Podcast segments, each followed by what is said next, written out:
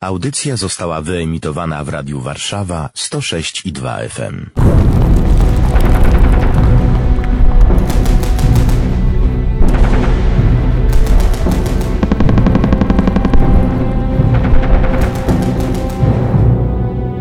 Warszawa pamięta!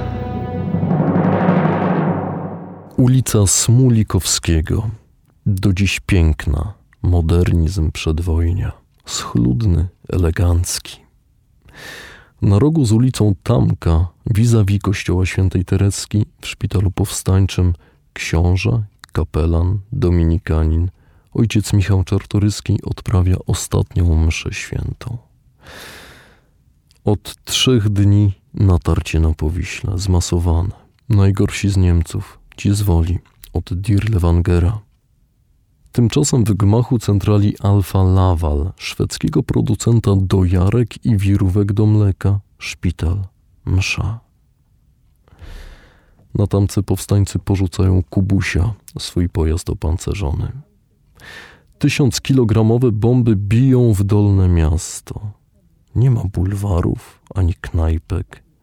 Jest śmierć i zniszczenie. Szturm generalny. Krótko po południu żołdacy niemieccy wchodzą do szpitala. SS-man w białych rękawiczkach podchodzi do kapłana. Każe mu zdjąć habit i szkaplerz. Ten odmawia. Ranni są dobijani na łóżkach. Ojciec Czartoryski zostaje wyprowadzony na zewnątrz. Za chwilę zginie na barykadzie, gdzie Niemcy pozostawią jego ciało jako barbarzyński znak przestrogi. Dziś na ścianie budynku znajduje się tablica. Tu w szpitalu powstańczym trzeciego zgrupowania Armii Krajowej Konrad 6 września 1944 roku hitlerowcy zamordowali siedmiu ciężko rannych żołnierzy wraz z ich kapelanem oraz przy pobliskiej barykadzie około 30 mieszkańców Powiśla. Dwa lata temu, kiedy pisałem książkę o kościołach Warszawy w kruchcie odbudowanej po wojnie świątyni na Tamce, wisiała kartka z czarno-białym zdjęciem powstańców i apelem Przywróćmy pamięć powstańcom Warszawy, obrońcom Powiśla. Zwracam się do doktora Bartosza Łukaszewskiego, socjologa, badacza powstania warszawskiego. Panie doktorze, przywracanie pamięci imion, nazwisk, rozpoznawanie twarzy to się dzieje od lat. Czy przynosi ulgę?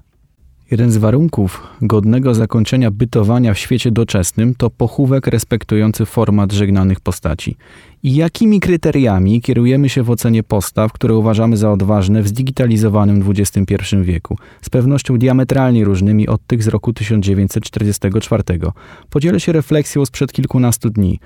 W jednym z miast podwarszawskich, a o tak zwanej obroży Warszawy wspomnimy jeszcze w kolejnych audycjach, odbyła się uroczystość otwarcia ronda imienia batalionu Pięść Armii Krajowej.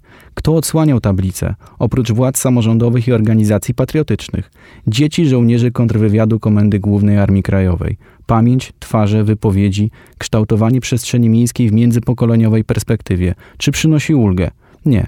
Przynosi sens. A sens przynosi spokój i poczucie spełnienia obowiązku to jeszcze dopytam, jak wiele takich imion, nazwisk, twarzy mamy do zidentyfikowania, do poznania, do przypomnienia w dalszym ciągu dziesiątki tysięcy, szczególnie jeśli patrzymy na ofiary cywilne, dalej identyfikowane, dalej poznawane.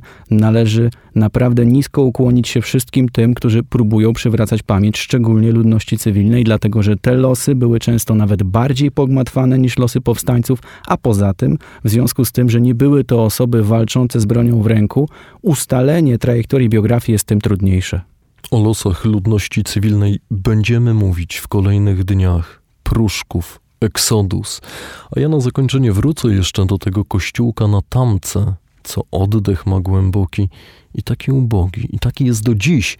I każdy, kto wejdzie, może zejdzie z tych bulwarów pełnych radości, wstąpi do kościółka, przekona się, że, że jest taki niemalże jak z wiersza Iłakowiczówny. Panie redaktorze, refleksyjność, o której tutaj wspomniano, jest jednym z elementów budowania dojrzałego społeczeństwa. Bardzo panu doktorowi dziękuję i za tę audycję. Zadanie publiczne jest współfinansowane ze środków otrzymanych od ministra obrony narodowej.